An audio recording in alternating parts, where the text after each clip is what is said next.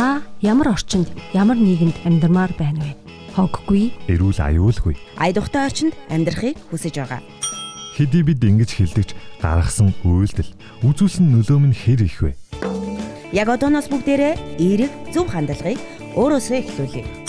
Их хотын зөв хэмнэл нэвтрүүлгийг баасан гараг бүр 19 цагаас Давталтын дугаарыг даваа гарагт 10 цагаас. Мегмар гарагт 13 цагаас, лав гарагт 20 цагаас тус тус химнэл радио 91.7-оос бүлээн авч сонсоорой. Химнэл радио 91.7 долгионоор бидний хүлээн авч сонсож байгаа сонсогч та бүхэндээ мөн лайваар үзэж байгаа үзэгч та бүхэндээ энэ өдрийн мэндийг хүргэе. Баасан гараг бүрийн 19 цагаас та бүхэндээ хүргэдэг. Их хотын зөв химнэл нэвтрүүлгийн маань ээлж дугаар эхэлж байна. Наттай хамт нэвтрүүлгийг хөтлөн явуулахаар манай студид бас нэгэн хүндтэй зочин ирсэн байгаа би Совдгаа Монгол Костюмс компани захирал доктор профессор мөн үндэсний хувцсны судлаач. Совд игч маань хүрэлцэн ирсэн байна. Мөн манай радиод зочин хөтлөгч Зээнх баяр игч хот байгуулт мэдээс судалгааны төвийн тэргүү. Тэгээ мөн манай радиогийн их хотын зөв хэмнэл нэвтрүүлгийн маань зочин хөтлөгчөөр энэхүү нэвтрүүлгийг цаашид үргэлжлүүлэн цог хөтлөн явуулахаар бид хоёр хоёр дахь дугаараа бэлтгэхээр инхүү бэлэн болоод байна. Ингээд та хоёрт энэ өдрийн мэндийг хүргэе. Баярлалаа. Бас энэ өдрийн мэнд хүргэе. За бидний ярилцах ер нь сэдв бол их хотын зөв хэмнэл буюу зөв гэдэг энэ ураг илүү нэвтрүүлгийнхэн гол жанжин шумаа болгож байгаа. Тэгээд бид нар хотын соёл тэр дуундаа хувь хүнээс гарч байгаа эерэг зөв хандлага, зөв харилцаа мөн бусдтай бас үлгэрэлдэг нэгэн байхыг уриалсан ийм уриалгыг бас нэвтрүүлгээрээ хүргэж байгаа. Өмнөх нэвтрүүлгээрээ бид нар энхвэр хэлжээ нэмсгэлийг бас бусдаа бие биедээ бэлгэлээ гэсэн ийм сайхан урайг бас хүргэсэн байгаа. А өнөөдрийнх нь нэвтрүүлгээрээ бид нар хувцсны соёл тэр дундаа Монгол хувцсны дээл соёл уламжлал бахархал ер нь юунд байсан бэ? Хэдийн үеэс бид нар ийм сайхан уламжлалт үндэсний хувцаараа ангарч бахархаж өмсөж зүүж хэрглэж байсан юм бэ? Яг энэ талаараа бид нар ярилцахаар үндэсний хувцсаар бас судалгаа хийгээд нэлээдгүй олон материалыг цуглуулсан. Дээрээс нь олон орноор явж судалгаа шинжилгээний ажлуудаа бас хуримтлуулж цуглуулсан. Тэгээд энэ уламжлалыг бас тэн авч яваа сувдгааг бас уран авчирсан байгаа. Тэгээд нэвтрүүлгийн эхлэлдээ бид нар үндэсний хувцсны соёлын талаар яриагаа эхлэе гэж бодож байна. Ер нь монголчууд маань үндэсний хувцс яг хэдийнээс энэ соёлыг бас бид нар зөөж өмсөж зөөж хэрэгжилж ийсэн. Энэ талаар ярианыхан эхлэл хэсэгтээ ярих гэж бодож байна. За тэгэхээр бид нар Монгол хувцсны одоо үүх түүх соёлыг ярихын тулд бид нар одоо Монгол улсын түүх, Монголын түүхийг ярих хэрэгтэй болдог. За Монголын түүх ярина гэдэг маань өөрөө дэлхийн түүхийг ярих хэрэгтэй болдог.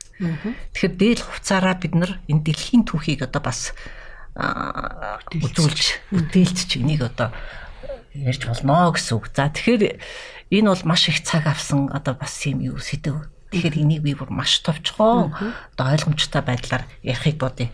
Тэгэхээр монголчууд хэдийд одоо төрч ёсоо бий болгосон монголчуудын үүсэл хөгжил гэл ингээд ярих хэрэгтэй баг. Тэгэхээр монголчуудын хувьд бол одоо Монгол энэ өнөөдрийн бид нар төгс төгөлдөр хэлбэрээ олоод ирсэн энэ дээл хувцс маань одоо хүмүүгийн үеэс одоо анхны одоо өөрийнхөө хэлбэр дүрсийг олсон гэж одоо судлаачд үздэг.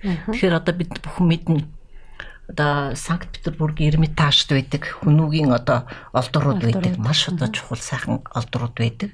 Тэгэхээр энэ 1924 онд ноён улаас олсон ийм одоо олдрууд байгаа. Тэгэхээр энд бол монголчуудын тэр одоо нүүдэлчдийн дээл хувцс ямар байсан.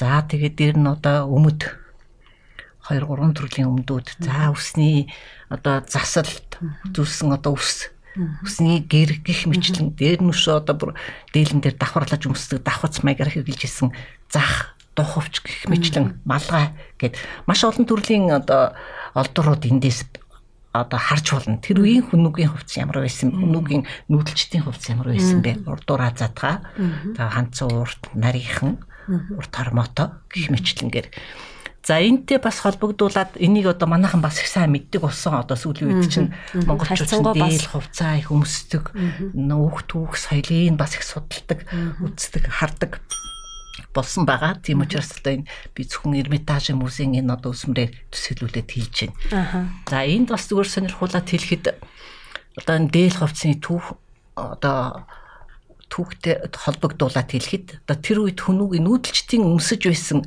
одоо урт төрхтэй гутал энэ шалбар өмдөн одоо энэ өндөрлөгтний хувцсны соёлд шин одоо зүйлийг авчирсан гэж одоо ярьдаг. Тэгэхээр Оросын одоо бас агуу эрдэмтэн түүхч гүмлээ хэлсэн байдаг. За Европ хүнийг өмдгүү төсөөлөд үзтээ. А гэтэл энэ өмд бол нүүдэлчдээс Төв Азийн нүүдэлчдээс Үүсэлтэй. гаралтай үүсэлтэй. За дээр нь өшөө бас энэ Японы бас мундаг түүхч байдаг. Шибаритаро гэдэг. Одоо тэр хүний одоо тал нутгийн тэмдэглэл гэдэг сайхан ном байдаг. А тэн дээр ерөөсөө нүүдэлчдийн гутал хувцс бол дэлхийн одоо хувцсны соёлд бас том нөлөө үзүүлсэнийг тэмдэглэж бичсэн ийм түүх байдаг. Тэгэхээр энэ бол бид нарт нүүдэлчд одоо хувцсны соёлд маш том одоо өөрийнхөө үзүүлэлт нөлөөгөө үзүүлж өөрөө одоо их усрын тавьж ижээ гэж бас хэлж болохоор. За тэгээд дараа нь бидний хувцсны түүхийг бид нар ярихад би бас түүх ярих болж одоо Монгол улсын түүхийг. Тэгэхээр тэрний дараагийн үеийн одоо эртний улсууд байна. Нүгийн дараах одоо Сиамби, Нерон, Түрэг, Хэрэгс За тэг Китан гэдэг. За тэгэд энэ эртний улсуудад улам одоо боловсронгуй болж хөгжиж ирсэн. За одоо судлаачд үзэхдээ бол Китаны үед энэ хувцсны одоо ер нь анхны хэв шинжээсээ илүү одоо тодорхой одоо үндсэн одоо хэлбэр дүрсэнд бий болжээ гэж үздэг. Тэгэхээр энэ Китаны үеийн олдур гэвэл одоо манахаас олдсон 2007 17 онд олдсон их сайхан олдур байдаг юм. Ховд аймгийн Мөнхайрхан сумын Үзүр Гэлан-наас гарсан. Одоо та нар санаж байгаа бах та Adidas гутал гээл одоо дэлхийн шуугаас нэг олдор орч илаа шүү дээ. Тийм сайхан а, сайтуудад бас энэ мэдээлэл тавигдчихсэн. Тэгэхээр одоо Adidas гутал тэр ямар чамин хийцтэй гараар хатгаад ингээд Adidas Handmade буюу гар урлал. Тийм гутал тэгээд одоо тэр малгай толгоон чимэг дээлний тэн дээр одоо ерөнхий одоо хэлбэр дүрсийг одоо Кеданы үеийн одоо дээлний дүрс төрх төрх бол маш тодорхой гарсан байгаа. Тэгэхээр энэ үед бол одоо дөрвөлжин босоод захта ингэрийн дөрвөлжин ингэр одоо доош нь шууд гаргасан. Одоо ийм сайхан дээл, гутал, малай нууд байдаг. Тэгэхээр энэ үед бол одоо Кеданы үед судлаачд үзэхдээ Монгол дээлний үндсэн хэлбэр бий болсон гэж одоо дөрөвдөрхөө Өдөр олсон. дүрс яг дөрөвдөрхөө олсон. Тийм дөрөвдөрхөө олсон. За тэгээ тэрний дараа одоо эзэнт гүрнүүд байна одоо тийм ээ. Хамаг Монгол Чингисийн маань одоо 2006 онд байгуулсан. Хамаг Монгол дараа нь одоо тэгээд эзэнт гүрнүүд эзэнт гүрний усууд явж байна. Тэгэхээр одоо Юаны улс бол их Юан улсын үед бол Монгол хувцас дээл хувцсны өмсгөл маань маш одоо төгс төгөлдөр чимэглэл одоо маш нүсэр ийм одоо болж ирсэн гэж бас судлаачд үздэг.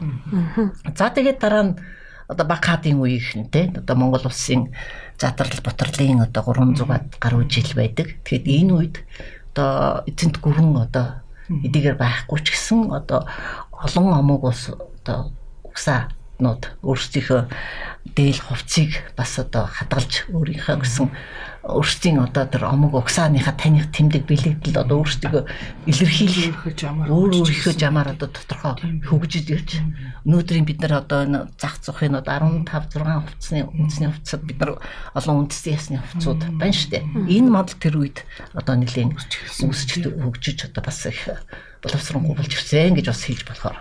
За тэгээд дараагийнх нь одоо богд хаан засгийн үе байна тийм ээ. Богд хаан засгийн үед бид нар одоо сүлжин хаан хатан за төргийн одоо ямбны ёс хувцсыг одоо бий болгож одоо бас ба- хаант засаг байсан үе. Энд үед бас л одоо хуульд дөрвөн хувцсны хууль дүрмээ гаргаж манжийн одоо хувцснаас ялгагдах ямб хэрэгэм цол цэргийг илэрхийлэх хувцсуудыг бол гаргаж ирсэн. За тэгээд дараах нь бол одоо та нараа мэдчихэж байгаа. Ардын хувьсгал ялаад. Үндсэндээ бид нар одоо энэ зэрэгтэй отго жинс ирэх Ям биг ям бодог хасаж хасаж ирсэн. За тэгээ нуу мухар одоо дээл. Үндсэндээ бий болсон одоо 30-аад оноос 24 21 оноос хойш тэгээд одоо 24 онд богд хаан маань одоо таалал төгсөөд тэгээд үндсэндээ бол одоо бид нарын дээл хувцс одоо их Энгийн болж ирсэн. тийм ээ. Одоо элдв чимэглэл одоо элдв төр эрх ямбыг илэрхийлсэн нудраготой жинс одоо энэ бүхэн маань байхгүй болсон. За ингээл юуроос дээл хувцс маань их энгийн болж ирсэн эрэгтэй эмэгтэй ерөнхийдөө тэгээ төстэй адилхан нудрахгүй. За яг хэмжээд одоо зах хэмжээр юуны хувьд бол жоохон ялгаатай орж ирсэн, орж ирсэн. За нөгөө эмэгтэйчүүд маань үсээ тайраад богинохон болгосон. Өмсөөл ингээл одоо за тэгээд одоо 30-аад оноос эхлээд одоо манад бас зарим нэг аж үйлдвэр ингээд салбарууд бий болсон. Ски гутал, сахин гутал тийм ээ. За ингээд 40 50 60-аад оны үеэс эхлээд үндсэндээ монголчууд Европ хувцас өмсөж эхэлсэн. Тэгэхээр бид нар Европ хувцас өмсөж ирсэн хүүхдүүх маань одоо нэг цөөхөн хэдэн жил шүү дээ. Тийм байна. Нэг 60 70 жилийн хугацаа байна уу тийм ээ. За энэ хугацаанд бас дээл маань феодлын хувцс гэж одоо ад үзэгдэж ирсэн үе байна тийм ээ. За социализмын үед би одоо нэг сонь жишээлхэд би ч одоо социализмын үеийн бүтээгдэхүүн 80 онд одоо сургууль төгсөөд ирж илээ. Ирж байла. За тэгээ сургууль төгсөөд ирэхэд сургуулийг төгсөж ирж байсан байна. Би Оросын одоо тухайн үедээ зөвлөлт холбоот улсын одоо Киев хотод. Украин одоогийн одоо Украин юм да тийм Украины хөнгөлдрийн дэд сургуулийг зохион бүтээгч инженер гэсэн мэрэгчлэр төгсөж ирж байсан. Төгсөж ирээд ажиллахад одоо үнэ стандартын улсын хороонд одоо тэр хорооны нэр дээр сурсан. Тухайн үед одоо социализмын үед бол одоо бодлогоор бэлтгэгдсэн боловсон хүчин байсан. За тэрэнд нь одоо мэдээж үнэ стандартын улсын хороонд одоо оюмл бүтээгдэхүүний стандарт, үн, чанарыг одоо боловсронгуй болгож хэрэгжүүлэхэд бэлтгэгдсэн боловсон хүчин байж тээ. Тэгэхээр төгсж ирээд хамгийн анхны томилт маань аа Авийнхаа нутаг Дундгой аймагт малчтын хувцсын судалгаагаар явжсэн. Аа за. За тэгэхээр тэр малчтын хувцс гэдэг маань одоо нөгөө дээр хувцс маань сүлдээ малчтын хувцс болсон байна шүү дээ. Ахмадууд ахмад настангууд өмсдөг, малчд өмсдөг. Тэгэхээр миний анхны одоо томилт маань нэлээд урт хугацааны Дундгой аймагт. Одоо малчтын хувцсны судалгаа судлах одоо монголчтын хувцсны ерөнхийдөө одоо хувцсны үндсэн хэмжээний стандартыг боловсронгуулах, технологиг боловсронгуулах ийм ажлаар явж исэн. Тэгэхээр тэр үед Монгол хувцс маань малчтын хувцсны хэмжээнд хүрч ирж явж байсан байх нь тийм ээ. Түүхийн явцад ингээ өөрчлөгдөн хуурсаар агаад малчтын хувцс болж байна. Тэгэхэд монголчууд бас сэргэн мандаж дэлхийн талыг эзэлж явсан үе байдаг. Эзэнт гүрний үед тийм ээ. Энэ үед дээл бол одоо тэр төрт улсын одоо эрх хамгийн хүндрэлтэй эрх тэр дээл хувцсыг өмснөөр Монголын эзэнт гүрэнд харьяалагдах. Дээл хувцсыг өмснөөр бидний хувцсыг өмснөөр одоо монголчуудад талтайгаа илэрхийлэх Монголын одоо эзэнт гүрэнд одоо харьяалагдах Монгол хүн болж ийн гэдгийг илэрхийлэх гадны усууд бас тэр соёлыг өмсөж ус байсан. Усны соёлыг бас тэр одоо юу гэдгийг одоо ноёрхож байгаа тэр ус үндэстнээр ус үндэстэнд бас тэрийг өөрсдийгөө бас харуулах гадна хувцсны соёлыг бид нэр дагуулж исэн шүү дээ. Тийм. Тэгэхээр тэр үед бол одоо бид нар яриад шүү дээ. Дэлхийн модыг дэлхийн модыг дээл одоо тренд болж исэн байна. Тэгэхээр тэр хувцсыг өмсчээж тэр эзэнт гүрний хаад ноёд. одоо чадaltaа яваа улсын хүчтэй яваа одоо өнөөдрийн бидний амьдралын жишээгээр харахад тийм шүү дээ тийм ээ. Олны одоо танил одоо их хурлын гишүүд одоо одоо хийм байдгийн тэр гоё дээл өмссөн хүний хараан тусч идэг тийм ээ тэр хэрээр одоо эзэнт тэр улсыг хүндэтгэх бас нэг хэлбэр нь бас байсан. Хүндэтгэх хүндэтгүүлэх одоо тэр хэлбэр дээлийг өмсгөх зориуд өмсөж тийм ээ өөрсдөө тэрэнд одоо эрх шилдэнд багтаж одоо өөрсдийнхөө үнэнч байгаа илэрхийлэх. Тэр маягаар дээл хувцсууд ер нь хүчний соёлоор дамжуулаад бас тэр улс орны тэр хүрээ хязгаарыг тэ нэр хүндийг сэргээх тэ а тэнд чинь бас гой тэр үндснийх нь хувцсыг өмсөөд тэр одоо дотор баг дотор орж харагдана гэдэг бол Монголын язгууртанд хүрээлэл орж ирж байна хүнддэг чинь гэсэн үг тэ Тэгэхээр энэ дээл манд би ярьж байна тийм ээ. Нэг дээл хэтийгээр одоо Монголын түүх тэгэхээр Монголын дэлхийн түүх. Тэгэхээр яа харахгүй бид нар дээлний түүхийг ярих болохоор дэлхийн түүх яригдчих. Тийм байна. Тэгэхээр Хиван улсын үед одоо тийм ээ алтан орд. Ил хаадын хаант ус өвлөгөө хааны ус. За тэгээд одоо цагаадаан ус хэмчлэн гэр тэнд бас нэгэн олон жил дээл хувц эзэнт гүрний үеийн одоо ёс нэг журам дээл хувцсын соёлыг одоо тэр чигээр нь авч үлдэх гэсэн. А өшөө цааш нь нарийн ярил. Бидний дээл хувцсны соёл өнөөдөр дотор бусад бусад яаж нөлөөгөө үзүүлсэн гэдэг нөлөөллүүд бас эндээс их тодорхой харагддаг л да. Тэгэхээр одоо дээл хувцс маань нэг хэсэг одоо тэр Монгол улс сэргэн мандж байсан унаж доройтож байсан тийм ээ. За одоо бүр нэг хэсэг пиодлын хувцс гэж ад үзэгдэж байсан. За бүр өсөө малчтын хувцс болтлоо одоо доошоо орж исэн. Одоо доошоо орох юу байх вэ? Одоо зүгээр одоо ахмаднасаа тэр хотоо энгийн ард руу хэрэглээ хэрэглээ багсан хотын соёл үүсэж хотын соёлтой холбоотой. За дээр нь одоо Европын одоо соёлууд орж ирж за дээр нь одоо бид нар чинь Оросын үндсэндээ бид нар 89 он 90 он хүртэл Оросын хараат. Аа. Одоо явд явсан гэж хэлэхэд буруудахгүй баг тийм ээ. Тэгээ би бас энэ дээр ярихад миний оюутан бах үеийн цаг оюутан бахад бид нарыг одоо хувцсны загвар цохон бүтээгчид энэ мэрэгжлийг үзхийн тулд дэлхийн загварын дэлхийн хувцсны түүх гэдэг хичээл ордог. Байсан дээр тэр түүх манай одоо ном зорж исэн мэт. Тэр хувцсны түүхийн номыг би ингээд харахад бүр нэг Монголын талаар Монгол хувцсны талаар нэг үсэг үг үсэгч байхгүй байсан. Тэгээд тэр үед надад бодож исэн бодол юу гэж би бол маш их тийм яач нэг тийм Үнэхээр бид нар ийм хөгжилд орой яахахгүй л одоо бас оруулж чадаагүй шүү дээ. Республикийн хэмжээнд байдаг. Тэгэхээр одоо готрох сэтгэл байсан. Тэгээд тэр их үндэс сэтгэл үлдээж тийм байна. Үлдээсэн байдгийг. Тэгэхээр би одоо боддгийн одоо бид нар эдийгээр 10 21 онд одоо хувьсгал ялаад тусгаар тогтнолоо одоо бид нар чинь 61 онд одоо нүүбд хүлийн зөвшөөрүүлсэн. Тийм. За тэгээд энэ түүхэн явцад бид нар харж яхад монголчууд бол хэдийгээр тусгаар тогтносон хүмүүс байсан боловч үндсний өөрийн гих одоо тэр эх оронч үзэл за үндэсний дархлаа болох бид нар өөрсдийнхөө одоо таньж мэдих энэ бүхэн маань одоо тэр үед байхгүй гэж. Одоо зориудаар тийм түүхээ мэддэггүй хинбэ гэдгээ мэддэггүй. Тэгэхээр тэр одоо түрүү ярьжсэн одоо их гүрний үед Монгол үндэсний хувцсыг өмснөөрөө тэнд хүндэтгэл үзүүлж тэнд орсноороо одоо нэг төрлийн баталгаа болж исэн болвол эсвэргээрээ Монгол үндэсний хувцс өмсгөөрөө ямар нэгэн одоо тий одоо юу гэдгийг хавчлагт орох ч буруу зүйл буруу гэж харагдах ч үзэл гаргах ч гэдэг юм уу тий. Бас тийм хандлага болвол бас тэр тухайн үед байсан үед бол байсан. А ер нь цагаан сараа тэмдэглэдэг цагаан сараа тэмдэглэдэг. Үндэсний хувцаар тэр цагаан сараа тэмдэглэдэг тий. За тэр гандан мандан хийдээр бол ер нь явдаггүй. гэхдээ нийтлэхээр бол бидний ээж аав бүгд дээлээ өмсдөг байсан. Бүгд дээлээ өмсдөг байсан. Дөрвөн улиргийнхаа дээлтэй тий. За дээрэс нь хажуугаар нь Европ хувцас өмснө.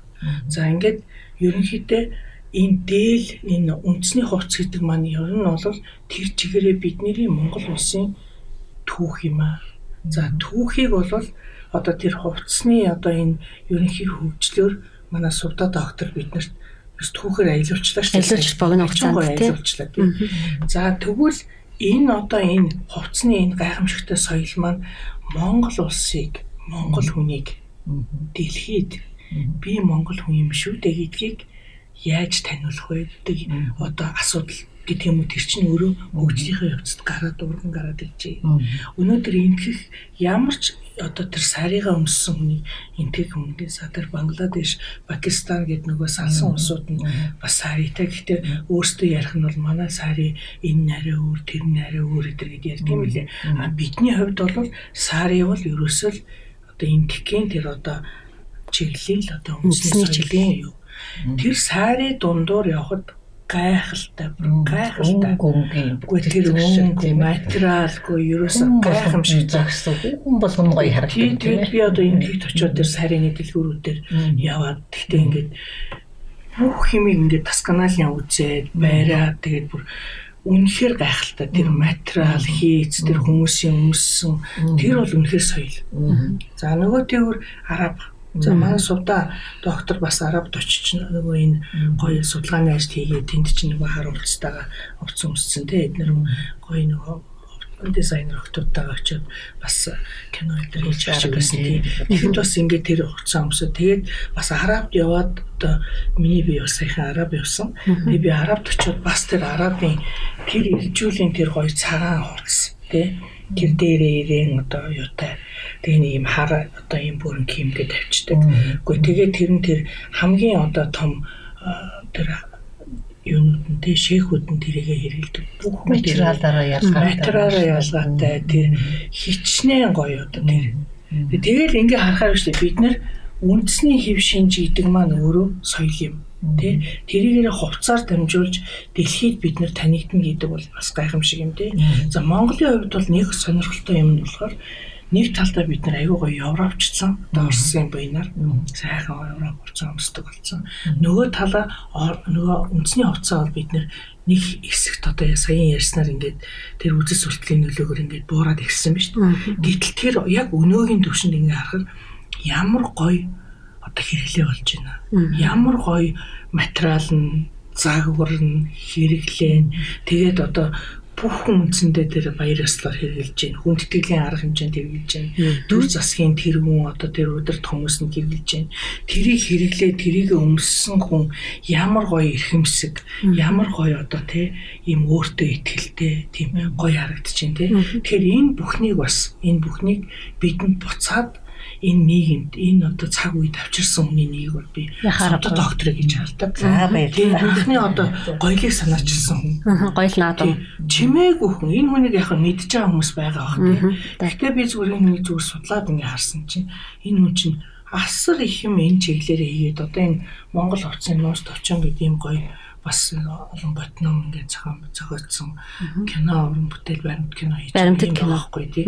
Тэгээ би бол боддгийн бид бас түүгээрээ бахарах хэвээр соёлоороо бахарах хэвээр хүнээрээ бахарах хэвээр хүнээр бахарах нь гэдгээр бидний соёл. Тэгээ тэр дундаа бүр үндэсний хувцсны судлаач нэгэн хүн энийг те барьж аваад тэр жоохон ингээд ингээд тэр малчтын тэрний хувцс гэдэг судалгаанаас одоо бүр илүү сүдэл тэр оюутан байх үеэсээ энэ хүний чинь тэр нөгөө одоо нөгөө их орно гэсэн тэр их орж үзэл юм суусан шүү дээ. Тэгэхээр тэр юм нь одоо ингээд тэр малчтын судалгаагаар илүү хөгжөө. Тэгээд өдий төвшөнд хүртэл хийцэн байна гэдэг бол үнэхээр бид нар бол талархаас арга алга. Дээрээс нь нэмээд а Дельта Монгол удирдлагыг санаачилсан. Одоо энэ удирдлага маань улам тэлээд энэ жуулчдыг татах басныг өшөө засгийн газраас үндэсний хувьцын өдөр яг Дельта Монгол гэдэг 7 сарын 10-нд 10-нд хийдэг. Наадмын урд өдөр бас төр засгийн төр засгаас бас энэ засгийн газрын нэг бас үндэсний хувьцаа өмсөх өдөртөө болж байгаа гэдэг маань бас их чухал юм аа гэж би бодож байна. Тэгэхээр би энэ бас юу хэлэх вэ? Ер нь бид нар 90 оны дээр арчлаа одоо арчлаа арчилсан хувьцал гэж ярьдэн шүү дээ тийм ээ. Энэ бол биднэрт одоо үндэсний үзэл их оронч үзэл өөрөөсөө бид нар эх орноороо бахархах өөрсдийнхөө үүх түүхийг эргэж харах. Бид нар ямар соёлын өвдөө байсан? Энэ бүхнээрээ бахархах энэ бүхний олж мэдэх энэ одоо боломжийг биднэрт олгож өгсөн. Тийм учраас өнөөдөр монголчууд маань залуучууд маань энэ одоо түүхээ, өв соёлоо маш их үзэж хардаг. Бид нар хаанаас ирсэн, ямар түүхтэй, ямар соёлтой гэдгийг маш их мэдхийг хүсдэг болсон байна. Тэгэхээр хэдийгээр одоо зарим нэг залуучууд байдаг боловч бид нар түүхээ одоо үзэх хэрэгтэй юм уу? Бид ирээдүгээ харж явах та ёстой гэдэг их мэд ярьдаг цөөхөн залуучууд байдаг боловч ерөнхийдөө монголчуудын маань одоо тэр мах цусанд нь байсан тэр үндэсний үзэл их оромж үзэл ой санамжийг бол энэ 30 жилд бол үнэхээр сэргээж өгч чадсан. Тийм учраас өнөөдөр монголчууд одоо дээл хувцсыг ямар өргөн дэлгэр өмсдөг болж байна. Тийм ээ. Тэр 90 онд би одоо санаж 90 оны 9 сард байдаг баха очроод ерөнхийлөгч анхны одоо дээлээ өмсөөл газрын тасаар мелаж гэсэн үг шүү дээ тийм тэгж одоо дээлээ өмсөж байсан. За тэгээд дараа дараагийн ерөнхийлөгчд бол бүгд одоо үндэс нь одоо дээл хувцас өмсөж шүү дээ. Тэгэхээр энд би ярихаар одоо жишээлбэл би Монголд хувцсны нэг онцлогийг хэлэхэд За монголчууд анхны төр тулсыг байгуулсан гэж ярьдаг тийм үү? Хүмүүнгийн төр тулсыг тэр төр тулсыг байгуулад тэгээд одоо дээр дээр нь бас гоё үг байдгийн одоо энэ Германы философч нэрт философч Фридрих Гегелийн хэлсэн. Дэлхийн хүн төрөлхтний төв хаанаас эхэлсэн бэ? Энэ Төв Азаас Монголоос. Яагаад гэвэл тэнд төр тус байсан. Тэгэхээр энэ үзэл санаа энэ одоо яг төр тус гэдэг энэ маань төр тусын төр одоо улсын ёс журам тэг жайг энэ бэлэгдэл энэ бүх юм Монгол дийл хувцсан гэсэн байдаг. Тэгэхээр ингэж одоо тэр хувцсанд маань энэ бүх үзэл санаанууд шингэсэн учраас өнөөдөр хүртэл бид нар одоо дийл хувцаа өмсөхдөө харц дээгүүр чээж өндөр нуруу ихц. Одоо бахархалтайгаар дийл хувцыг өмсөхөөс ураагүй. Ягаад гэвэл энэ төрөө дээдлсэн одоо малгаагаа гэтэл манан бадар одоо манай одоо дээр манд дандаа дандаа утга учиртай. Мандах төрийн малгай. Бүтэг төрийн бүс. Одоо салсан боцорсны юм байна. Тулах төрийн гутал хан төрийн хандаас. Гэх мэтлэнгээр энэ төрийг маш их дээдлж эрхэмлж ирсэн ард түмэн энэ дээл хуцсандаа энэ бүх бэлэгдлүүд нь шингэж явдаг. Тэгэхээр тийм ч учраас өнөөдөр одоо би боддгийн одоо манай их хуралд нэг дэвшгэж байгаа тэр нэг дэвшгч төртөл одоо энэ учир утгыг ойлгоод одоо дээл хувцсыг ахиу өмсөх тэгжээж тэр ард түм тэр хүнээс тийм ээ. Энэ хинбэ гэдгийг эхлээд харах нь ч хэр зэрэг их оронч хэр зэрэг үндэсний үзлэг? Хэр зэрэг одоо ард түмэнтэйгээ ойрхон? Хэр зэрэг одоо төрөө тохинол хүн бэ гэдгийг тэр дээл өмсөж байгаа дээл хувцаас нь хүртэл харж болохоор. Аюу олон дээл бэлтжиж шүү. Миний одоо зураг Facebook-ийн зургаас 10-аас 20 дээл өмсөлж өмсөж байна. Тэгэхгүй бол тэр чинь одоо тий тэр төрийг тогнуулах хүн чинь тэр төрч ёсны хувцас өмсөхгүй бол яг тийм ээ тэр тэр мэдээж энэ түүх соёл уламжлал ёс заншлаа мэддэг хүн байж таарах штэ. Би одоо өнөөдөр боддгийг энэ төрд гарч байгаа усуд бол түүхээ маш сайн мэддэг усуд байгаасаа. Мэдээж байж байгаа бах тийм ээ. Тийм ч учраас одоо гарч байгаа бах. Тэгэхээр би энд бас яагаад ярьж байгаа гэхээр бид нарт хүн болгонд одоо тэр үндэсэнд нь цаандаа санамж нь сэргээж өгч одоо бид санаж энэ хоёр аягүй сайн санаж байгаа. Бид нар 89 онд энд одоо талбай дээр арчсан хувьсгал гараад залуучууд үлсөөл ингээд бид нар чинь дотроо одоо тэр үед чинь бас учиргүй ингээд дэмжиж явж чадахгүй ч гэсэн сэтгэл зүрхэндээ дотроо дэмжиж явж байгаа. Очоод ингээд хараад үсгэлэн явж байгаа. Бидний үеийн залуучууд байхгүй юу? Тийм. Дотроо бол бид нар тэр арчлалыг маш их дэмжиж байгаа. Одоо өөрчлөлт энэ одоо өөр байх ёстой. Бас нэг залуучууд гарсан чи очоод харж байгаа. За тэгэл үсгэлэн зардаал ингээд тэр хүүс тэр үед тэр залуучуудын ой санамж сэргэж байгаа. Мөнгөний төрөнд юугаар цусан дэх ойсон дээлээ өмсөх Одоо үсэх нүстэй дээл өмссөн гэсэн. Тэгэл одоо үгэлэхэд тэд ой санамж сэргэж сэргэжсэн байна. Энэ ой санамжийг түүхийн ой санамжийг юу сэргээд үхэ энэ одоо бидний өв соёл соёл. Соёлууд. Энэ нанда мах цуснд байж идэг. Тэрнийг сэргээж идэг. Тийм учраас бид нар их түүхээ сайн мэдчих хэвээр. Яа тэгэхээр одоо зарим усуд бас ярьдаг одоо хитрхи их оронч үзэл үндэсний үзэл гэж яриад энэ энэ даяарчлалын үед тийм ээ. Бид нар энийг заавал байх ёстой үзэл. Үндэсний үзэл. Яагаад вэ? Бид нар жижиг. Бид нар өөрөө цөөхүүлээ магадгүй одоо тэр бүм тэр бүм одоо хүн амтаа одоо юу гэдэг хятад одоо босод үндэстэн болвол хүн болгон тэр байх албагүй байна. Яагаад гэвэл хятад улс байж л байгаа. Тэр хүн байж л байна. А гэтэл бид нар цөөхүүлэх нэ.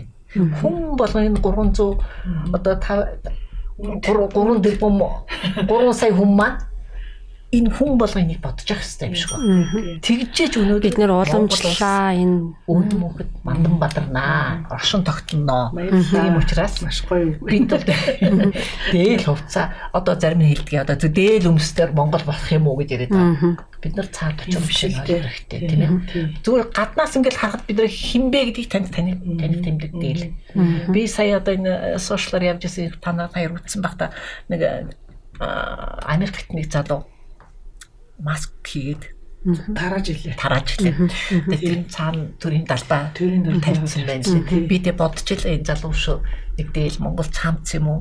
Ингээд өмсөөлсөн бол хинбэ гэдгийг яг тийм ээ. Одоо хин нэг аажл шүү дээ. Тэр яг далбаа гэдэг нэг юм байх. За зарим нь одоо э, бас э, нэг сони юунууд явж илээ. Бид нар Монгол гэдэг одоо хятад тэгэхээр нөгөө цухтагаад коронавигаас болоод тийм ээ? Цухтагаад байна. А гэтэл бид нар Монгол гэдгийг яаж илэрхийлэх юм бэ? Гэдсэн гэдэг юм. Тэгэхээр бид одоо төрийн тэргүүн ч гэсэн энэ олон улсын байгуул гадагшаа дотгошоо явдаг хүмүүс ч гэсэн энэ дээлийг өмсөж тэр гадны усууд сэтгэл зүрэнд хоногшуулах хэрэгтэй юм шиг байна. Тэгжээ аа энэ юус одоо кино өмссөн одоо чи сая ярьлаа сари. Сарын өмсөн хүнийг эндэг. Кимоно өмсөн хүнийг Япон.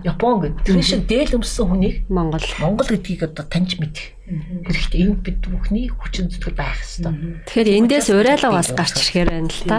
Монгол хүн дэлхийд Монгол гэдгээ таниулахын тулд Монгол хувцаараа бахархах, омгших, түүнийгээ өмсөж, эдэлж хэрэглэх, дээрэс нь олон таниулах ийм сайхан зүйлийг бас энүүгээр дамжуулан сувдаа гшээ ярианаас бас сонсоод урайлмар санагдаж байна л та. Энэ удаагийн хойш бодож сууж байна. Төрөний төл дээр бид нэмсгэл гэсэн. Тэгээ нэмсгэл гээд ерөөсөө бид нар зүгээр л энэ олон одоо хүн бөөнөр амьдарч байгаа энэ орчинд бид тухаараа хараад гомдоод тий одоо хэцүү байсан ч гэсэн тэгээ явж байгаа хүн лөө нэг хүн хараад нэмсгэлийг тэр хүний сэтгэл гээх байхгүй юу тийм ээ? Тэрний нэгэн адил өнөөдрийн одоо бидний ярилцлага бол надад бахархал гэдэг л үг гарч ирлээ бахархал. Ерөөсөө бид үндэсний соёл энэ хамгийн гайхалтай юм хүнд харагддаг юм хууц байхгүй. Тий Тэгээ энэ бол бахархал юм. Тэгэхээр юм энэ дээр нэмээд хэлэхэд энэ зүгээр харагдах харилцаасаа гадна гадна энэ хуцсан гэж нарын одоо нөө өвгдгийн маань эрх хэмлэж байсан эрх хэмлэл эрх хэмсэл ухаар тийм ээ? Дээр нь одоо тэр урд хуу ухаан Тэгээд ухаан. Одоо тэр гараага хийцэн одоо гутал хатгамал дахны ухаан гэдэг ирж шээ тийм ээ. Тэгээд дээр нь өвдийн захиас. Энэ Тэгээд одоо гоёл чимэглэлүүд нь бас мэдээч. Бүх юм энэгээр дамжиж хувцас зүсгэлээр дамжиж одоо энэ бүхэнд шингэсэн байдаг. Тийм учраас өнөөдөр энэ дийл хувцас гэдэг бол бидний яа харахгүй маш үнэтэй нандин өв соёл өв соёл. Бахархал бахархал. Тий. Энэ утгаар нь бид нар энэ одоо дээлээ өмдлөж, эрхэмлэж, өмсөж. Бид нар өмсөхгүй бол одоо тэгэл тий. хин өмсөх. Сүүлийн үед нөгөө гадаадд амьдарч байгаа монгол залуучууд, охид бүсгүүчүүд хоёроороо дөрвөөрөө ингээд Facebook орчинд би бас зураг харж байсан л та. Японд амьдардаг дөрөв охин, Америкт амьдардаг хоёр найз залуу, одоо хоёр залуу. Эднэр Монгол хувцас өмсөд гудамжаар айгүй бахархалтайгаар явж байгаа. Монгол хувцаа бид нар ингээд гадны ертөнцид бас ингээд бахархах, энийгээ бас түгээхэд бид нар энэ хувцаараа өмсөө явхад ямар гоё байдаг вэ? Гэд зураг тавиад Facebook дээр тавихад манайхан монголчууд маань ямар гоё хүлээж авсан бэлээ. Тэгээ цахим дээр бол энэ хандлт бүр айгүй өндөр байсан байсан. Санж ин л да эргээ санж жилийн өмнө. Тэгээд тэр октоодын ерөнхий хувцсны тэр дээлний завгар өнгө ямар гоё тоод Тэгээд дээрэс нь үндэсний хэв шинж буюу яг үндэсний шинжээ агуулснаар өмсөд дөрүлээ ингээ гоё гудамжаа нөгөө кимоното үндэсний хувцастай хүмүүсийн хажууд бас бид нар адилхан шүү. Бид нар үндэсний хувцастай үндэсний соёлтой шүү. Тэрнээс илүү хэд дахин илүү шүү гэдгийг бас цахимаар дамжуулан хүргэжсэн л та. Тэгэхээр залуучууд маань сүүлийн үед бас үндэсний хувцаа өмсөх хандлага нэмэгдэж байна. Дээрэс нь энгийн үедээ ч хүртэл өмсөхийг илүү хэрэмэлцдэг болсон байна. Энэ бол маш авууштай бас маш зөв хандлага гэж харж байна л та. Тэгэхээр хотын бас зөв хэмнэл энэ хотын иргэд энэ улсын иргэд гэдгээ бид нар бас ийм өөрсдийнхөө үндэсний хэв маягаар бас харуулж агаад баш баяртай байдаг. Тэгэхээр бид нар бас түрүү ярьжсэн Дээлтэй Монгол гэдэг арга хэмжээг 2007 он энэ бол бид нар бас гадагшаа гадны жуулчдад Монголоо таниулах одоо дээл өмсөх, дээлээр нь таниулах. Аялал жуулчдын нэг одоо ивент болгох зорилгоор одоо анх 2007 онд зохион байгуулж ирсэн. Өнөөдөр энэ арга хэмжээ одоо маш өргөн дэлгэр одоо явдаг болсон. Наадмын өмнөх баг наадам гэж одоо нэрлэгдэх болсон. Энийг дагаад гадны жуулчд ерөөсөө энэ дээлтэй Монгол наадмыг үзэх энэ үеэр монголчуудын одоо энэ дээл хувцсны одоо үс гоёл чимэглэл дээл хувцсыг нь үзэх ийм зорилгоор маш их ирдэг ийм сайхан наадам болсон. Тэгэхээр наадмаар ч одоо жинхэнэ л манайхан ч одоо өстой үнэхээр дээл хувц бол үнэхээр дээл өмсөв хүн бол одоо бүр сонио харагдах. Ийм баг ичмээр. Дээлийн өмсөөгөө явж байгаа хүн баг л ичмээр. Тэгээ өнгөрсөн жил ихэд би одоо бас э, мэдээгээр хараа сууж дээлтэй Монгол одоо 95 6% нь гадных байна.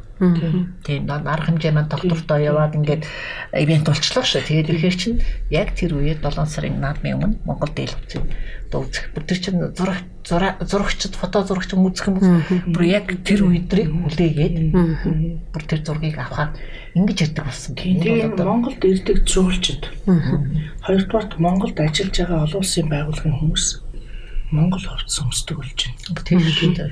Тэгээ одоо миний нэг танил одоо тий олон улсын байгууллагын хүн хаанаас хувцас авах вэ? Тэ би ямар хувцастай өмсөх вэ? Тэгээд аюу олон солих дээлтэй болцсон Тэгээ тэрүүгээр маш бахархаад Азийн хөгжлийн сангийн банкны одоо эмгчээр ямар гоё хувцсан ээжигээ дагуулж ирнэ хоёлаа. Тэгэхэд тэдэн янзаар дийлэмс. Тэгээ тэрийг хараад надад тэрнийг мэдхгүй манад хэлсэн мэдхгүй нөгөө тэр хүний хувцсыг үгүй Монгол хүн өөр атаархаад гадны хүнийг өмсөд. Тэгэхээр энийг манай гоё өмсөж байгаа. гоё өмсөж байгаа байхгүй. Тэнд бас нэг манай угсаатан зүүч одоо нэрт угсаатан зүүч хандын нэм байгаа нэг гоё үг байдаг шүү дээ. Монгол дийл хувцс бол зөв өмсвөл чөтгөрт ч заа. Буруу өмсөл бурханд ч заахгүй. Тэгэхээр тэр хүн бол маш гоё өмсөж үлгэр дуурайл болсон. Тэрнийг хараад хажууд нь зогссон одоо нэг жоохон охин дараа харчаад би бүр хажууд нь ичээд одоо тэр гадны сайхан одоо тэр хүн ингээд дээл авцаа өмсөд ингээд бүр ганцаараа биш ээжигээ дагуулж ирсэн тэр дээл хийсэн.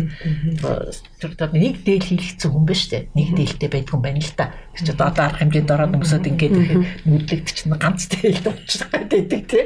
Тэгээ одоо хит хитэн дээл өмс. Нөгөө чи одоо тэр өмсөд тэр хүн чи өөр бүр яддаг ш бүр өшөө гоё өшөө би өшөө яаж өмсөж болох вэ гэдэг ингээд тэр шиг одоо бид нар өөрсдөө тэгж байна. Одоо их хоёр сайн мэдэндээ гадагшаа дотгошоо явхад одоо янз янзын брэнд одоо үнэтэй брэнд өмсөжөөс зөөр нэг сайхан Монгол дээл өмсөж. Бол зураг авахулаа тэнтэй зураг авахулаа гэдэг.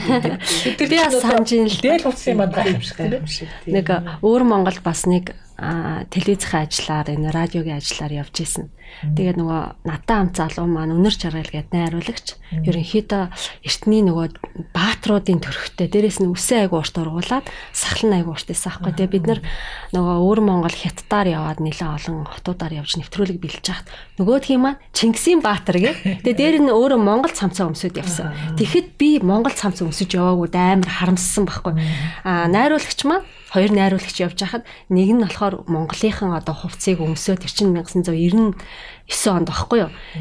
Монголынхан цамцыг өмсөө явж хахад би зүгээр Европ хувцастай хажууд ингээ явхаасаа бүр ичээд ямар сайн да за чи э, явж би араас чинь дагаж явъя гэд хүртэл бүр араас нь ингээ дагаж явж исэн удаа байгаа байхгүй. Тэгэхээр тэр үед юу гэж бодгцэн гэхээр би Монгол хүн бэж те Монголынхон үндэсний соёл уламжлалыг агуулсан энэ хувц хэрэглэлээ өмс хэрэгтэй юм байна.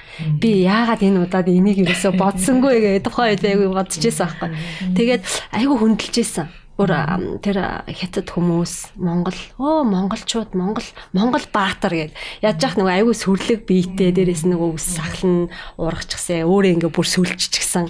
Яг л нэг тийм нөгөө Эсвхө баатарын үеийг санагдуулмаар тий яг л тийм дүр төрхтэй байсан байхгүй. Тэгээд би тэр үед өөртөө амар харамссан.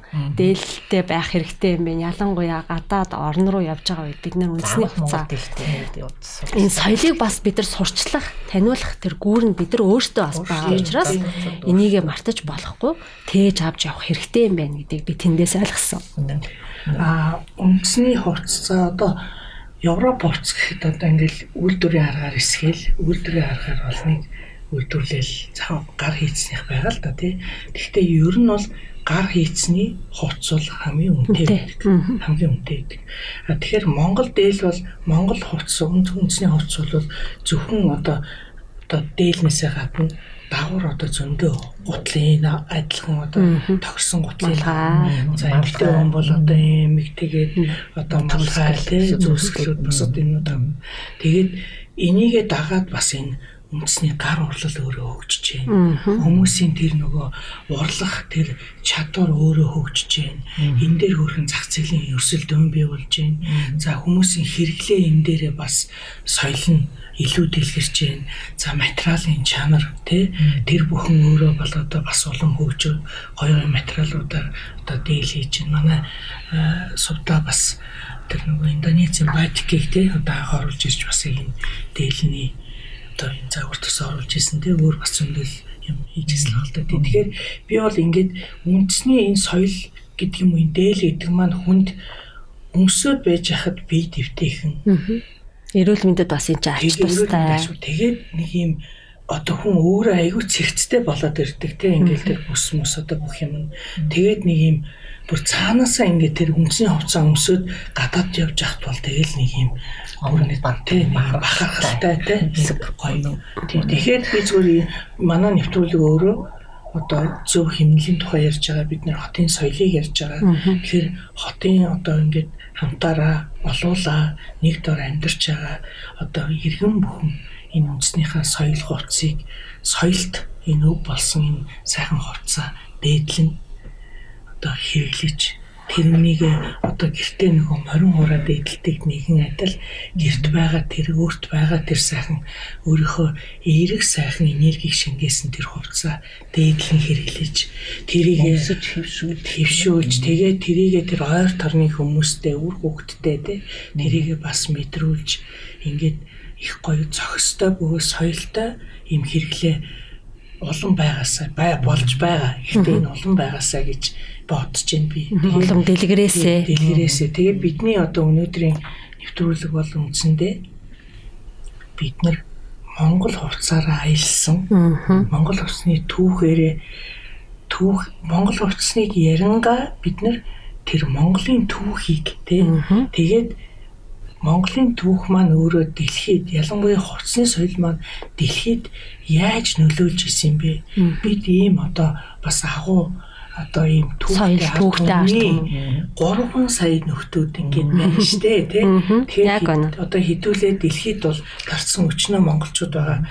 Бид нар маань энэ сайхан хувцаараа за энэ одоо төрлөх хоттой болон бусад орн нутагт амьдарч байгаа бүгдээрээ энэ үндэснийхээ соёлоор одоо бас бахархаж сайхан амьдрья гэсэн ийм л зүйл надад одоо мэдрэгдлийн өнөөдөр сайхан яриа бахархах бүр тийм омгших тийм мэдрэмж маш их төржээ яг энэ сэдвээр юу совда докторийн яриаг ингээ сая сонсож байхад баг амд нь оршихлаа шүү дээ.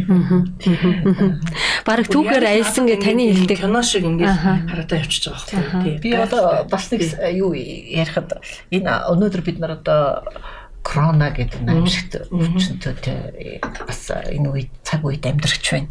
Тэгэхээр одоо бас энэ сонь сонь ингээд уншаад юмнууд бас уншиж хахад энэ корона бол энэ дэлхийн одоо нийтийн амьдралын хэв маяг хэвшил ер нь цаашд бол нэлээд өөрчлөлт оруулна гэж одоо энэ бичиж чинь тийм. Тэгэхээр магадгүй өнөөдөр бид нар өөрсдийнхөө одоо уламжлал ёс заашил бас зарим нэг юм бас сэргийгмээр юм шиг санагдчихэв. Тэгэхээр магадгүй бид нар одоо жишээлбэл эрчүүд бид нарын эрчүүдийн одоо дээл хувцастай холбоотой бас одоо гоёл чимэглэл байдаг. Барамталтаа зүүдэг тийм ээ. Аяга зэс аяга мөнгө аяга урдандаа хийгээд явдаг. Өрөөдөр хутгатаа савтаа хоолоо үрдэг бид нар өнөөдөр энэ коронавигийн үед өөрсдөө энэс цаашаа тийм одоо аль нэг баг мөнгө аягаа үстэй мөнгө аягаад ирсэн гэдэг агуулга тавьсан баг шүү дээ. Тийм ээ. Тийм сратанда хийсэн байгаа. Яхаад өгдөг тийм ээ. их хэрэглийн дөрвөл л та. Одоо ялангуяа энэ коронавигийн үед чинь зис аяга мөнгөн дээр чинь одоо тэр корона чинь тогтохгүй юм гэж шүү дээ. тэгэхээр бид нар энийг одоо тэр аяга гоё хэрэгцээндээ ашигладаг болмоор ашигладаг бол хэрэглээ болгоё бид нар ёс заншил гэдээ яриад идэг зүгээр одоо нэг сервантандаа гоё бол үүс нөгөөт нь харалцаа хаяа нэг гараад нэг өнгөлдөг тий. Тэг энийг бариад одоо зүнхэндээ хүүхнүүд нь яадаг гоё дайны уут хийгээд дайны уут ч өгшө гоё шүү дээ. Одоо хатгамлаар одоо дайлын яаж оруулж байна? Тийм ээ тэр шиг агны одоо уутаа гоё дайл одоо хүүхнүүд нь нурлаад тэр удандаа хийгээд хажууд нь одоо юу гэдгийг аваад цүнхэндээ ирчүүд нь одоо бас ингээ аваад маяганда Үдэл бид нар халбаны халбан. Тэгээд зэсэн дээр чи тогтохгүй байгаа юм тийм ээ. Тэгэхээр ч одоо тэгж хэрэглэж байвал одоо бас бид нар нэг уламжлалаа сэргээж яс заншлаа одоо бас хэрэглээнд оруулах бас нэг үе болов гэж бодож штэ тийм ээ. Одоо бид бид гурийн ширээн дээр маань нөгөө Монгол хувцсны нууц тавчаа гэдэг номыг авчирсан. Тэгэхээр энэ номын талаар бас асууя, тодруулъя гэж бодож байна л та. Тэгээ та яг энэ номыг хизээ гаргав, энэ гарах, энэ номыг гаргахын тулд мэдээж судалгааны ажлууд нэлээ хийсэн баах. Тэгээд хаагур хаагур та бас явж судалгааны ажилдаа энэ номыг багтааж бас номдоо багтаан шингээж оруулсан бэ. Энэ талаараа та бас нэг товчхон танилцуулж өгөөч. Яг Монгол хувцсны нууц нууц давчаа 1 2 дугаар бат гэдэг ийм хоёр сайхан номыг бас манай радиогийн студид авчирсан. Тэгээ энэ номын талаар бас заавал асуумаар санагдав. Бид нэр 2003 онд Монгол Customs компани маань байгуулагдсан. Тэгээ байгуулагдсан цагаас эхлээд тэрийг бас манай компани бас таньж мэдхгүй усуд байдгийн нэгэн дээл ойсон хүүхнүүд байдаг гэж төсөөлдөг.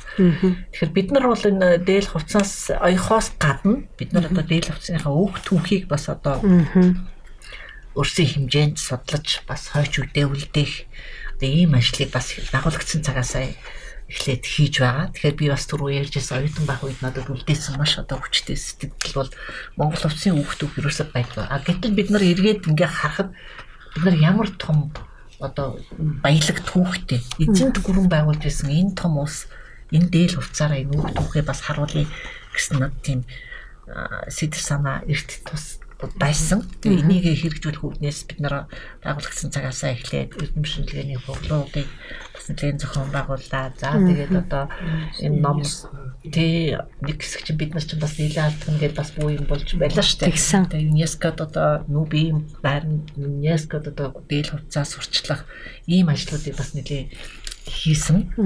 Тэгэхээр 2006 онд анхны одоо альбом бид нар гаргаж ирсэн. Тэгэхээр 2006 онд чинь эзэнт гүрний их Монгол 800 гэдэг болж илаа шүү дээ. Тэгээд энэ үед бид нар одоо эзэнт гүрний эхний одоо хувцуудаа гаргачихсан. Тэгээд одоо альбом хийж байлаа. За дараа нь 2011 онд хоёр дахь ном маань одоо дахиж одоо шинжлэгдсэн хуулбар маань гарсан. Тэгэхээр энэ үед бол одоо Хүмүүгийн төр тус байгуулагдсны 2220 жил болж байлаа. Тэр үед бид нар хүмүүгийн төр ёсны хувцууд гэж ямар хувцууд байл болох уу гэдэг судалгааны үндсэн дээр гарч ирсэн байсан. Энэ дээрээ нэмээд бид нар 2011 онд Монгол Кэсчүнс гэсэн ном гаргаж ирсэн. За 2015 онд энэ номнууд маань шууд одоо бас нэмэгдэж материал одоо судалгааны материалууд нэмэгдэж гарч ирсэн. Бид нар энэ номоо хийхдээ бас археологчтойгоо хамтарч ажилладаг. Тэгэхээр археологчдын тэр олсон олдрууд олдруудыг дизайнерын санаагаар амжилуулж гаргаж ирж хүмүүст одоо яг барин ингээ харахад ойлгомжтой болох үгнээс. Тэгэхээр манай одоо нэрт археологч Баяргаа байсан. Баяргаа бид нар 2006 онд анх танилцаад одоо уулзаад ярьж байсан. Эзэнт гүрний хувцс гэдгийг одоо тэр чулуун шүүн дээр судалгаан дээрээс одоо маш тод томрон гаргаж ирж одоо судалгааны эргэлтэнд орж исэн маань манай баяргаа одоо тэр үед чинь 2006 онд чинь натх нүж гэдэг жүжиг тамигдчихсэн тэр үеийн одоо хувцсан дээр. Тэгээд баяргаа маань бид нар цаашдаа хідүүлээ хамтарч энэ Монгол хувцсны судалгааг хамтарч хийгээд өөрийн шар эрдэнэт гээд одоо мундаг бас археологч залуу байдаг. Тэгээд бид нар хамтраад энэ археологийн одоо судалгааг одоо эргэлтэнд оруулж одоо бүр дизайнерын санаагаар үржүүлж гаргаж ирсэн. Одоо ийм байдлаар тэгээд дээлнийхаа түүхээр дэлхийн түүхийг бичих гэж оролцсон юм оролдог байгаа юм. Тэгээд сая бид нар бас байгууллагын цагаас тий англи монгол хэлээр монгол хэл байдгийг тэгээд энэ ном маань дахиад одоо бас шинжлэгдэж байна. Бид нар чинь бас байгуулагчид цагаасаа эхлээд тийм бид нар бас кино одоо дараагийн ботоо гаргах юм уу тий бас судалгааны дараагийн одоо. энэ замын тэмдэгдэл бас ном тэгээ одоо кино бас болгож ерөөсөө нэг цаг 10 20 минутанд ерөөсөө Монгол хувцсын түүхэн хөгжлийг одоо би яриад энэ тийм ээ. Монголын түүх дэлхийн түүхийг үзэж болох хэмжээнд ингэж гаргах тэгвэл одоо бид нар бас залуучуудтай гадныханд энэ бас үзүүлэхэд сонирхолтой байх болов гэдэг киноны ажил маань нэлийн одоо эд явагдчих байна. Киноороо бид нар дамжуулаад бас одоо дээл хуцаас сурчлах түүхээс сурчлах. Одоо энэ одоо киноны ажлыг хийхтэй холбогдуулаад бид нар нэг 16 орны 34 5 хотоор явсан байлээ. Тэгээд бид нарын түүхтэй холбоотох одоо бид нар түрүү ярьлаа шүү дээ. Иран улсын үед байсан. Ил хаадын нутаг. За одоо цагаа дайн улс Алтангорны улс. За тэгээд одоо манай хүрш хятад гэх мэтлэнгээр одоо бас бид нар түүхтэй мань холбоотой бидний одоо түүхийг харуулсан хувцс олдруудыг харуулсан ийм музейгээр газар нутгаар нэлээд явсан. Тэгээд энэ ажилт маань одоо миний дүү одоо Баяр гэдэг хүмүүстүүдийн найруулагч Баяр маань бид тэр олон жил ажиллаж байна. Түрүүн одоо сари гэж ярьлаа тийм ээ. Гэтэл сари гэдэг энтхийн хувцс их эзэнт одоо Монголын одоо тийм тийм ээ цагаалаан урсаад тийм ээ. Тэгэхээр бид нар ингээд нарийн судлаад ирэхэд нөгөө гоё ордон чинь бас тийм даан цайз байна. Гэтэл одоо энэ тэгэхэд бид нар очиод одоо Мансурай гэдэг одоо мундаг одоо монгол эрдэмтэн уулзчихсан. Английн колон бид нар олон жил багт англичууд бид нарт юрч үлдээг аваад явсан. А гэтэл монголчууд Монголын эзэнт гүрэн багт бид маш их өв соёлыг үлдээсэн.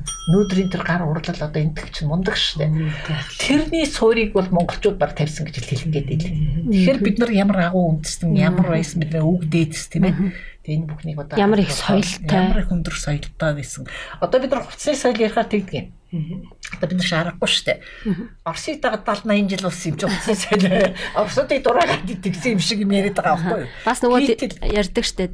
Ардын хувьсгалаас хойш ингээд бид нар нөгөө тэр дундаа нөгөө үсээ тайрах, энгийн дээл өмсөх, дээрэс нь эмгтээчүүд өөмөд өмсөх гэл тийм үеуд рүү бас орсон. Дээрэс нь нөгөө дэлхийн 2 дугаар дайны бас үеийн дараагаар эмгтээ хүмүүс өөмд өмсдөг байсан үе гэдээ бас ярьдаг ш. Тэгэхээр нөгөө түүхэн явцдаа ингээл хувцс маань өөрчлөгдөөл явж байгаа хэдий ч бид нар түүгүүдээ өнгөрсөн өнгөрөө дахиж иргэд сэргээл тийм ээ.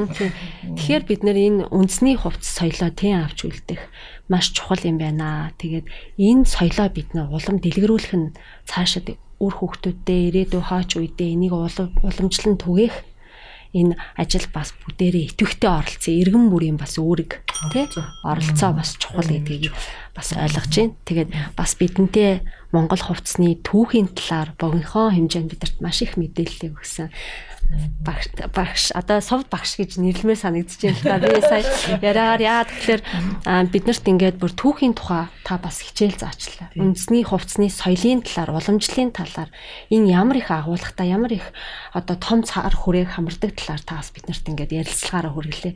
Тэгэхээр сов багштаа тэгээ үндэсний доктор эсрэгээ танилцуулж ирсэн. Хонд үеэс шууд багш гэдэг. Тэгээ үндэсний хувцсны энэ одоо судлаачаар ажиллаад энийгээ түгээн тээж цаашаа авч явахын судалгааг бас та энэ номоороо дээрэс нь баримтат киногаараа ингээд олон хүмүүст хүрэхээр ингээд ажиллаж байгаа энэ ажилд нь амжилт хүсье. Тэгээ бидний нэвтрүүлгийн маань бас цаг дуусч байна. Тэгээ бас богинохон хугацаанд бидэрт маш том мэдээллийг том агуулга тий тэгээ бид нэр ямар их соёлтой арт хүмүүс байсан гэдгийг та бас биднэрт ойлгуулж өгсөнд дээрээс нь сонсогчд маань манай лайвыг үзэж байгаа үзэгчд маань маш их мэдээллийг бас авсан бах та бүхэнд бас хэрэгтэй мэдээллийг бид гурийн зүгээс бас өгсөн болов хэмээн найдаж байна. Тэгээд их хотын зөв хэмнэл нэвтрүүлгийн маань а хоёр дахь дугаарт Сувда багш маань доктор профессор бас үндэсний хувцсыг тэн түгээн дэлгэрүүлж авч байгаа. Танд нийт үзэгчдийнхээ өмнөөс мөн радио сонсож байгаа сонсогчдийнхээ өмнөөс маш их баярлснаас илэрхийлмээрээ. За баярлалаа. Тэгээд одоо энэ сайхан одоо лайвтаа оролцуулсанд талархлаа илэрхийлье. Тэгээд одоо цаашдын энэ уран бүтээл цаашдын судалгааны ажилд нь улам хөндөр амжилт хүсье.